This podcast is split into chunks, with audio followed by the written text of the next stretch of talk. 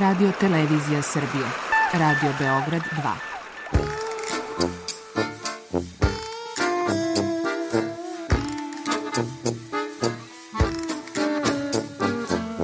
Rekli su mi, gospodine, vi ste promašili temu. Pa ja sam onda promašio život. I ne znam šta će da bude sam. Kaže, ja ne mogu više te čuvam. Šta da ti radi, kaže, snađi se kako znaš. Mi smo kao u kafesu. Za nas to je najmrtvo. To je mrtvo za nas. Naročito. I ja bih želela neko da me usvoji. To bih želela. Govori da bih te video. Program dokumentarnog zvuka.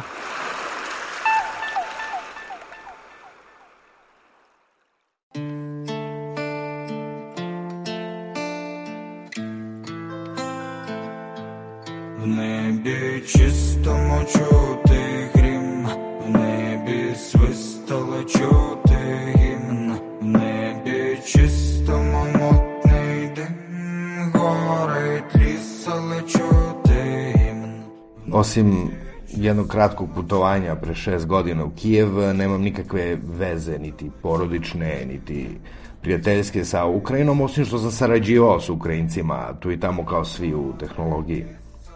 Ali sam ipak došao ovde kad je, kad je sve ovo počelo. Ваші вистріли за нами правда, її ніяк не пристрелить за нами правда, значить визволим селом, ми за селом, за нами правда, значить ми з долин повиганяємо. Ja se zovem Ivan, Ivan Karaman i ja sam ono što bi se nazvalo digitalni nomad, to je sputnik koji radi na daljinu, radim kao UX copywriter, odnosno neki miks pi- pisanja i dizajna za tehnološke kompanije. За, лі, за ліцидрім, за Хмельницького Богдана, за, Фра, за Франка Івана, і за Суми, і за храми, за село прийде за вами, і за ночі, і за рани, за кожен тривожний ранок, за Харків і тюльпани, за, за Одесу, маму, за Рівне Долбанів, за Полтаву, Львів і Полі, за Київ, Луцьк, за Вінницю, за Миколаїв, долі, за Чернівці, Черкаси, Тернопіль, і Кривий Ріг, за Запоріжжя і Житомир, і за Крим забуться гріх. Kad me ljudi pitaju i ovde, to jest i u Ukrajini i preko, zašto sam došao, ja i dalje nemam tačan odgovor. Uglavnom, stvari radim dosta planski, ali ovo je, ovo je bilo baš impulsivni trenutak jedan. Krenuo je rat i ja sam prosto kao pola sveta, naravno poludeo i krenuo da čitam sve što je moguće o tome, e, čitao vesti 24 sata po Redditu, razne analize I mislim da je bilo drugi dan rata, ili tako nešto. I čuo sam s jednom mojom bivšom devojkom koja je rekla trebalo bi, zašto se ovo dešava, trebalo bi ceo svet da ode tamo i da se drži za ruke.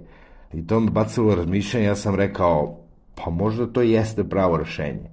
I već eto drugi dan rata sam ja odlučio da ću nekako otići i da ću nešto uraditi fizički, ja lično ovde. E, možda sam dve, tri nedelje ostao i dalje u Beogradu, imao sam da završim poslove, radio sam nevrovatnim tempom i danju i noću, samo da bi završio sve projekte što sam imao, da bi to naplatio i da bi mogao da krenem. I seo sam u auto, moja legendarna Fiesta 2001. godište, koja je pritom završila karijeru, ovaj, poginula je u ratu pre nedelju dana, to je druga priča. Seo sam prosto taj stari auto, poneo nekoliko stvari i krenuo za Rumuniju. Tada je bilo nekako zanimljivo, niko nije znao u svetu, a pogotovo ja, nismo znali šta se tačno dešava. Ja ni- ni- niti sam znao da li ću ja moći da pređem granicu, niti sam znao koliko je to opasno. Sećam se da nisam rekao porodici da idem, ali sam imao jednu večeru s njima i to ja sam znao da možda ih neću više videti. Ovaj, ja, oni to nisu znali i to je bio jedan onako emotivni trenutak. Ja sam samo krenuo. To je bilo, eh, dakle, ja sam krenuo u Rumuniju, eh, ideja mi je bila da odem, eh, da obiđem sve granice Rumunije i Ukrajine i da vidim, pošto tada je bila ona ogromna kriza e, izbeglica. D- dakle, svi su, u Poljsku i u Rumuniju su bežali milioni ljudi i ja sam rekao, ajde da probam tamo da pomognem.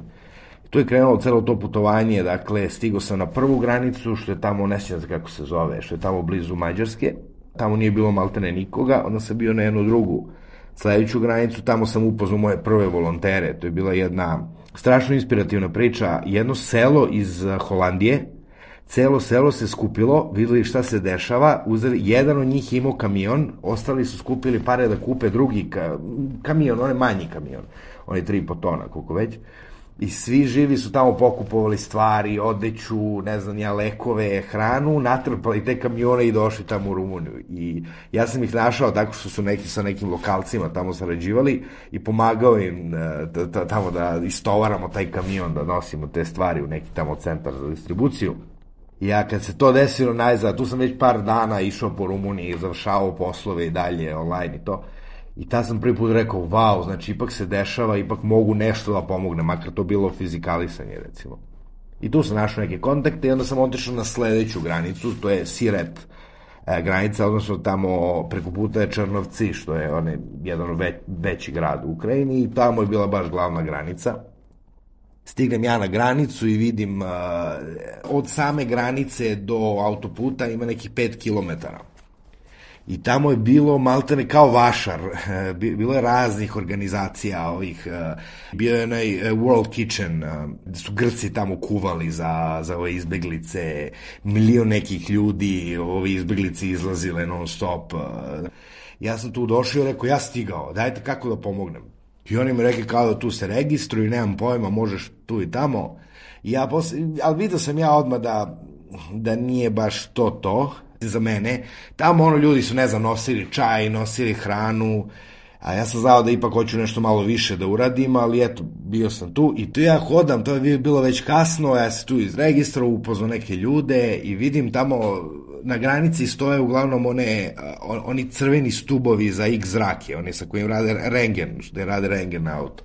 To bilo i vidim jednog tipa dugačka neka jakna, ogromni fotoaparat oko vrata, debele naočare, e, slušalice je snima neki Twitch e, live, nešto priča na italijanskom. Ja rekao, vidi ga, ovo je, ovo je zanimljiv kontakt. Ja dođem na italijanskom, pošto sam ja iz Italije, ovaj, tamo sam odrastao.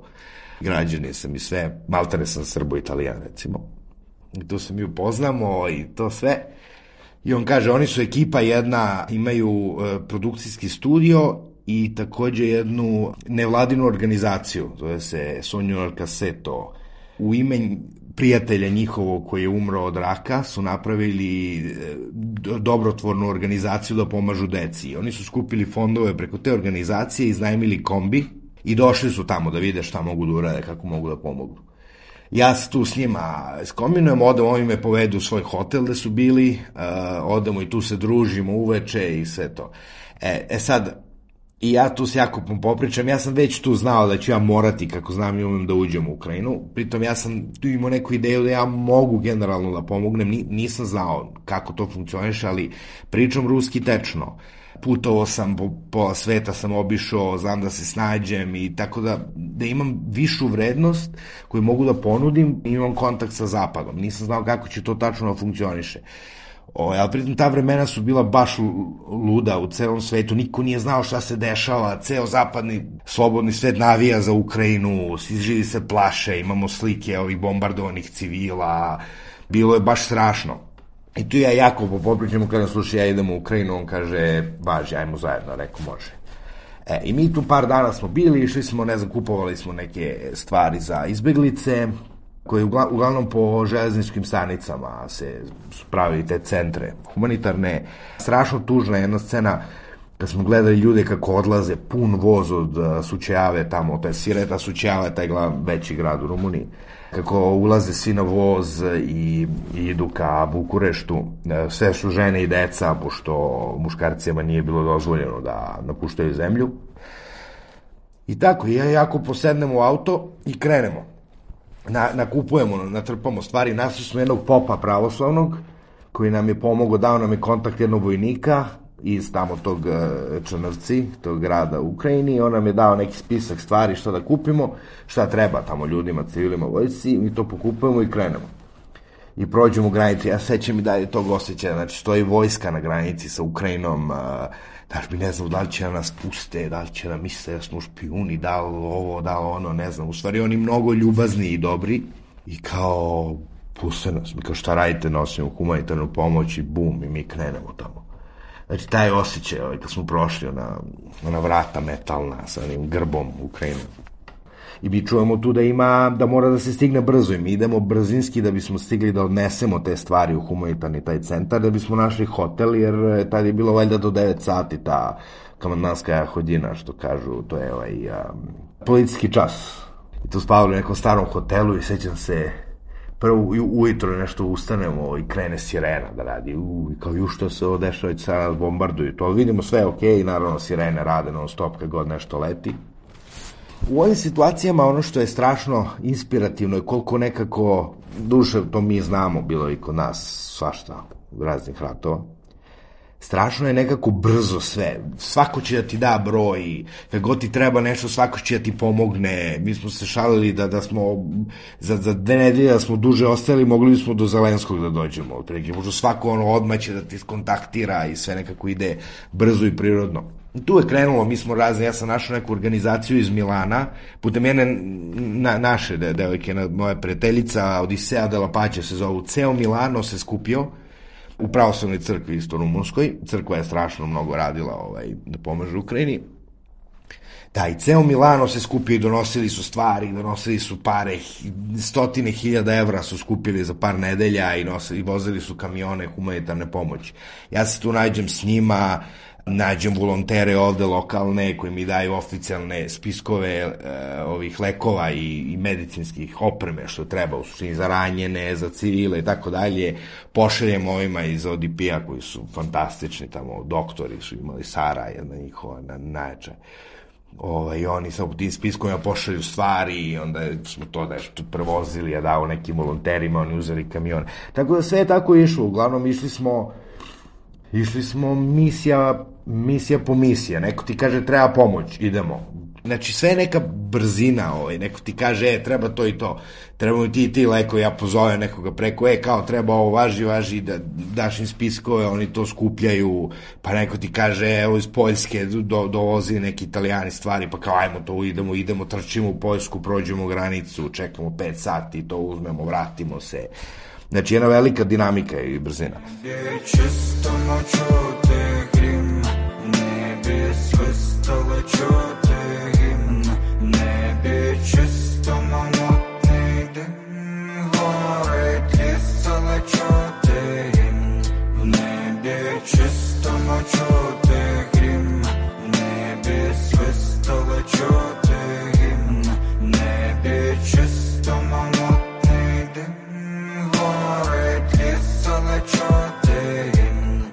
Kogod da sam svuda bio, bukvalno nema države koju sam obišao toliko kao Ukrajinu. Minimum sam 10-12 hiljada kilometara prošao ova dva putovanja i svaki grad maltene zapadne strane od uh, reke Dnjepar sam video, bar, bar prošao kroz njega.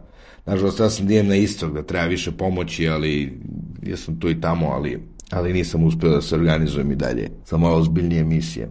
Uglavnom, maltene sam svako mesto video uh, u ovoj polovini države.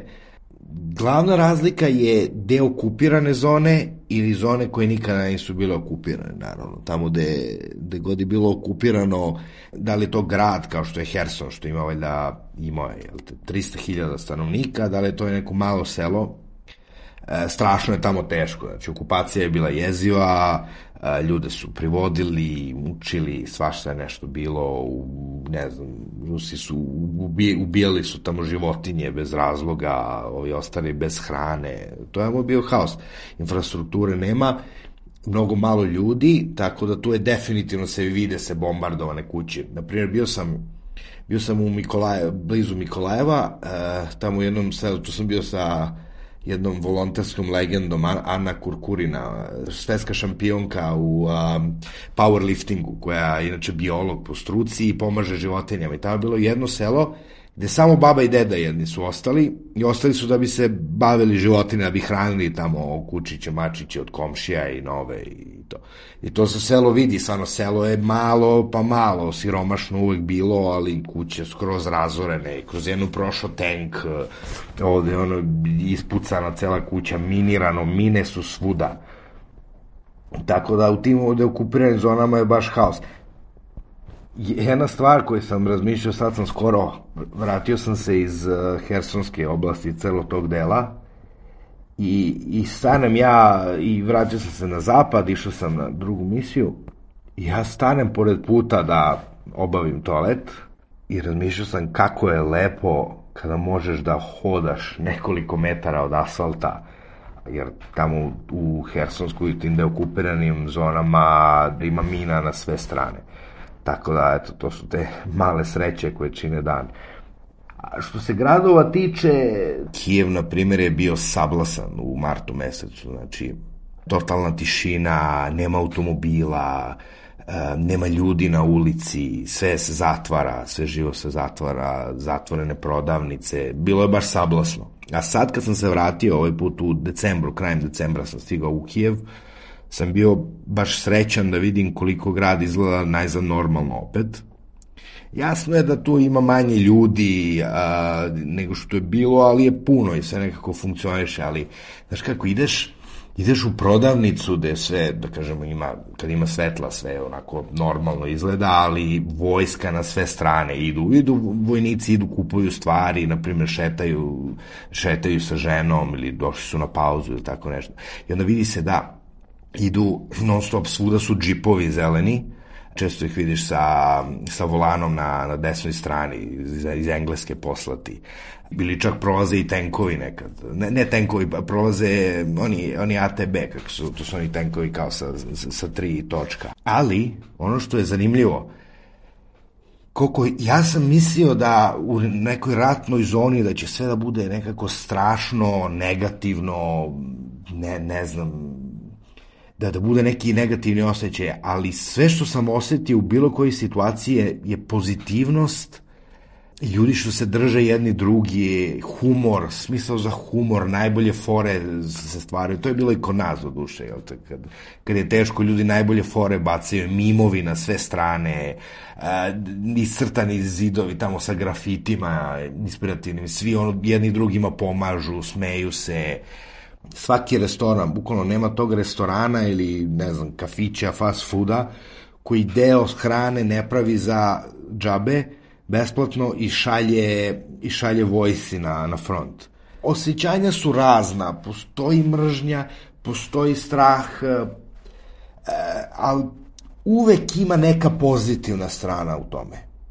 Čak i u tom strahu ima kao, ok, plašimo se, ali ćemo pobediti, kad pobedimo bit će wow. Postoji ta mržnja, da, mrzimo ih, ali ćemo, kad pobedimo, uspeti da najzad rešimo to i da imamo svoju državu. Tako da, ne znam, eh, ja sam i dalje šokiran koliko je pozitivno sve ovo. E, koliko su ljudi nekako imaju otvorene oči i spremni su da pomažu jednim drugima i koliko je inspirativno videti jednu naciju kako raste. Krenuli su da pričaju svi ukrajinski, svi su oni znali, ali dosta ljudi je pričalo ruski kao glavni jezik i sad su prešli tu na svoj jezik. E, nacionalni identitet se budi, negde ga preteruju malo sa bojama, sa ukrajinskim zastavama, ali s jedne strane to je razumljivo. Ali nekako pozitivno, eto, čak i negativne emocije imaju pozitivnu stranu. Ne, neverovatno i meni je čudno da ovo kažem za ratnu zonu, ali to je ono što svak, svaki sekund se trudim da nađem dokaz za suprotnog, ali ne mogu da ga nađem. Tako je, prosto je, prosto je tako. Vidiš jednu celu naciju koja se digla da jedni drugima pomažu ka jednom zajedničkom cilju, to je da se zaštite od um, agresije i da pobede rat. В небі чисто чути грім, в небі свистало чути гімн, в небі чисто момотний дим, горить ліс, але чути гімн, в небі чисто чути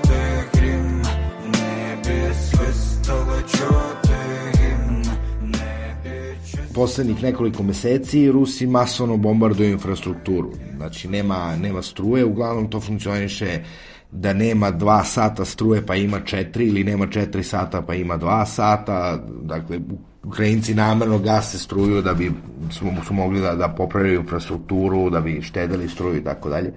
I dosta biznisa, svi su se snašli, imaju generatore i sve to nekako funkcioniše koliko je moguće, ali ja se plašim da dobar deo ekonomije trenutno živi na adrenalinu, recimo, da kad se ovo malo stabilizuje situacija, da će dosta firmi da propadne, već je dosta toga zatvoreno.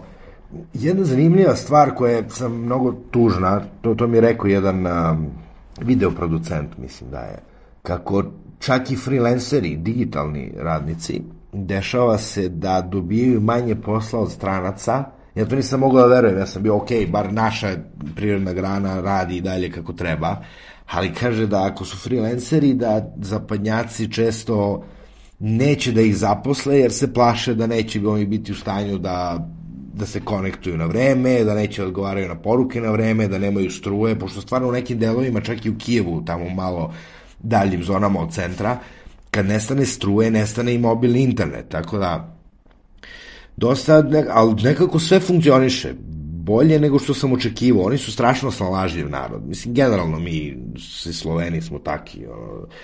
Uzvećemo kum će da ti donese deo iz Nemačke da popraviš auto koji ima 50 godina. Tako da, nima toga. Svi su, svi su generatore stavili, ko nema pozajmi, ne znam ja, neko je zatvorio, neko na kraju kraja morao zatvori jer je otišao u rat, ali ima, ima se sve, da kažemo dešava se da neki gradovi čak i procvetaju. Jedna pevačica mi je pričala, u, kad sam bio u Ivano-Frankivsku, koji je inače prelep grad, cela ta zona oko, oko Karpata su drugačiji gradovi od ostatka, jer su onako, arhitektura je više evropska, poljska, manje tih komunističkih zgrada, lepi su stari, puni istorije. Uglavnom, ona je rekla da cela kreativna brigada iz Kijeva kad je bio tamo skoro pa okupiran, mislim ne bi nikad bio okupiran, ne bi uspeli, ali kad su svi živi pobegli od rata, dakle svi glumci, umetnici, muzičari, svi su otišli iz Kijeva i napravili su novu svoju sredinu u Ivano-Frankivsku ili ne znam u Ljubivu, tako da to je dosta bilo onako prosveta, da kažemo, grad od toga. Naprimer, Lviv, najbitniji grad u, u ovaj, zapadnoj Ukrajini, on je sad postao međunarodni maltene grad. Sve žive organizacije su tamo, e, fakulteti, isto, oni su već tamo sa Poljskom dosta povezani bili, ali sad trenutno većina stranaca je tamo. Tamo se, na primjer, treniraju ovi ratnici iz uh, strane legije, ne legije stranaca, nego stranci ovi koji se bore za Ukrajinu. Oni su svi tamo žive i treniraju, sve moguće organizacije, svi humanitarci, svi živi idu tamo i tamo je baš sad napredan grad i sve više i više raste. Što se tiče drugih mesta, tamo u centralnoj Ukrajini vidi se malo da je tužnija, tužnije, manje ljudi, manje mogućnosti, dosta ljudi priča baš kako posla nema, mnogo ljudi, dosta ljudi kreću čak da volontiraju jer nemaju drugo, do, dosta ljudi. Ljudi uglavnom to su izbeglice, na primjer u Mikolajevu, tamo sam upoznao e, grupu volontera gde imaš dosta ljudi iz Hersona koji su otišli, znači tamo u Mikolajevu ne mogu da nađu posao naravno, da krenu da volontiraju da bi pomogli, da bi, da bi radili nešto prosto.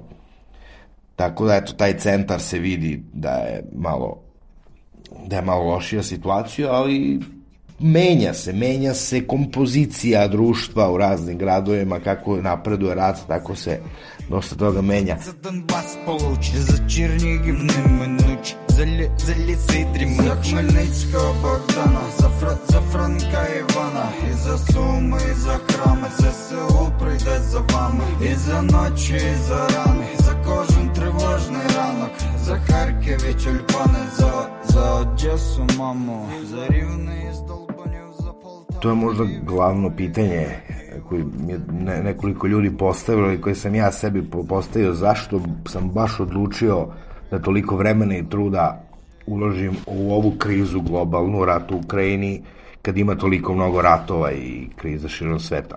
A, ja sam uvek živeo na, na neki način u svom svetu. Živeo sam u celom svetu, radim online, mogu da putujem gde hoću, Dakle, uvijek sam se osjećao da ceo sve, da kažemo, pripada meni i ja njemu. I, ali nikad se nisam vezao za neke posebne situacije. Ali ova, ova priča me pogodila, ima, ima, ima dva razloga zašto baš Ukrajina. I Rusi i Ukrajinci su dva naroda sa kojima sam ja vezan. Više sa Rusima jer sam imao više iskustva, živeo sam, imao sam devojku ruskinju, živeo sam u Moskvi, u Sankt Petersburgu, vezan sam za jezik, pričao sam ga svuda. Ukrajina mi je uvijek bila draga, bili su mi dragi moji partneri s kojima sam sarađivao, imam jednog od mojih najstarijih klijenata koji je bio jedan od mojih glavnih kontakata za celo ovo volontiranje zapravo. Tako dragi su mi ljudi, ali oba ta naroda ja volim. I, i bilo mi je strašno žao da, da ih vidim kako ubijaju jedni dru, drugima. Neki prvi instinkt mi je bio bukvalno kad je mogo jednu roditeljsku, što kažu naši, da im, da im udarim šamare, da kažem šta to bre radite ljudi. To je bio neki prvi instinkt. A druga stvar, dosta ljudi je kritikovalo ovaj med, medijsku pažnju koja je pridodata ovome, ovom ratu i humanitarnu pomoć u smislu, eto, ima toliko ratova, ali baš za ovo, samo pošto su ti ljudi u Evropi, mi im dajemo toliko pažnje. Do neke mere to je istina, ali eh, mislim da je ovaj rat nekako drugačiji od svih drugih. Prvo, to je najveći konflikt eh, na evropskoj teritoriji od drugog svetskog rata. Drugo, otvorila mi oči jedna volonterka u Borodjanki, kad sam bio tamo posle okupacije, nešto, ne znam, možda nedelju dana. I ona mi je rekla, kaže, znaš, ovo je, nije toliko rat između Rusije i Ukrajine, koliko je rat između generacija. Znači, stara ta neka generacija tih baby boomers, to bi ih zvali, koji razumeju samo kontrolu, silu, znači naši, recimo, roditelji, koji razumeju samo dakle kontrolu, silu, tu neku stabilnost i nas mladih, ja sam 30 i nešto, znači nas ovaj millennials ili Gen Z koji hoćemo slobodu, liberalizam, prihvatanje svega, globalizaciju. To na neki način jeste tako i ja smatram da je bitno da, da Ukrajina pobedi ovaj rat što pre i da trebamo svi nekako da pomognemo ka tome, pošto ne sme da se da državama, diktaturama, kao što je Rusija, koja je objektivno diktatura, ne smemo da damo, da im pokažemo da mogu da rade kako hoće.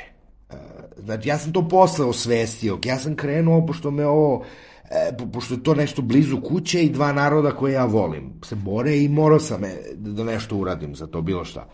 Ali posle sam ja osvestio da ako dozvolimo sada Putinu da, da pobedi, sutra će Kina da napade Tajvan, sutra će neke razne psihodiktature po svetu, ne znam, Severna Koreja će da krene još bahatije da, da pokazuje svoje nuklearno oružje.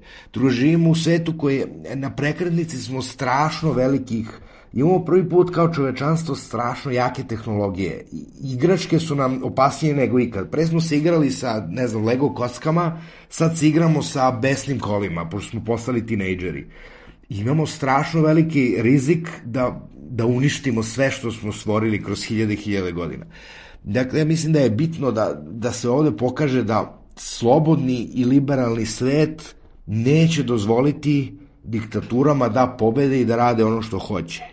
Ako se to desi, čekaće nas decenije, još više ratova, militarizacije, straha i bede za, za sve žive. Tako da, to je, to je isto glavni faktor. Znači, treba da pobedi slobodni svet, pošto trebamo da idemo dalje i da osvajamo vasionu, a ne da gubimo vreme sa glupostima. Oj, czy to den, czy to nic, czy razem, czy to myć, może że zabół moje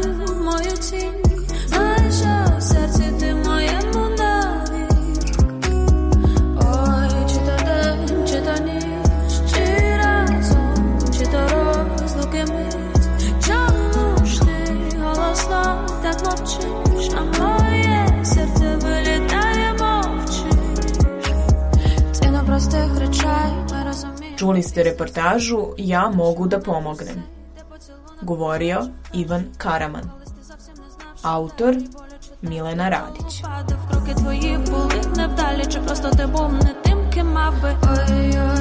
Тепер кожен погляд важливий такий. Ой-ой-ой, ти на тобі одяг будь-який. Ой-ой-ой, де я буду сива, але дуже красива. Ой-ой-ой, і ти кохатимеш мене постійно.